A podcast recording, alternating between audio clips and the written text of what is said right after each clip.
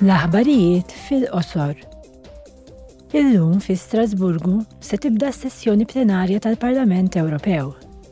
Il-membri parlamentari Ewropej se jivvalwaw ir-riżultati tal-Konferenza tan-Nazzjonijiet Uniti dwar it-Tibdil fil-Klima, il-COP27, li saret f'Sharm el-Sheikh f'Novembru.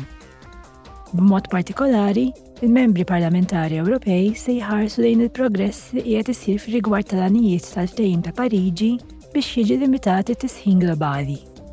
Il-Parlament Ewropew bħalissa qed jinnegozja mal-Istati Membri dwar il-pakkett lesti għal mira ta' 55 fil-mija fl-2030 sabiex l-Unjoni Ewropea tkun tista' tilħaq il-miri iktar ambizzjużi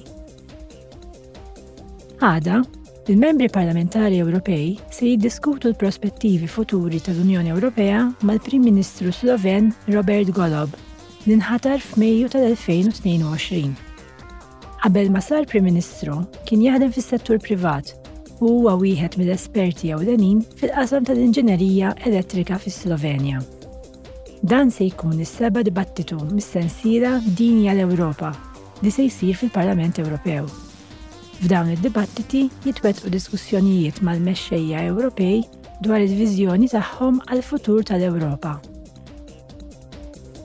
Għada wkoll, il-membri parlamentari Ewropej se jevalwaw il-prospettivi ta' soluzzjoni bbażata fuq l-idea ta' żewġ stati għall-Iżrael u l-Palestina.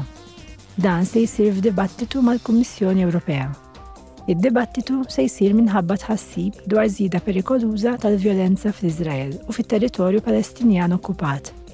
Se jsir ukoll wara appelli mill-Unjoni Ewropea sabiex l-Iżrael iwaqqaf it-twaqqigħ kollu tal-bini u t-tkeċċija tan-nies minn djarhom. Dawn l-azzjonijiet iżidu mas-sofferenza tal-poplu Palestinjan.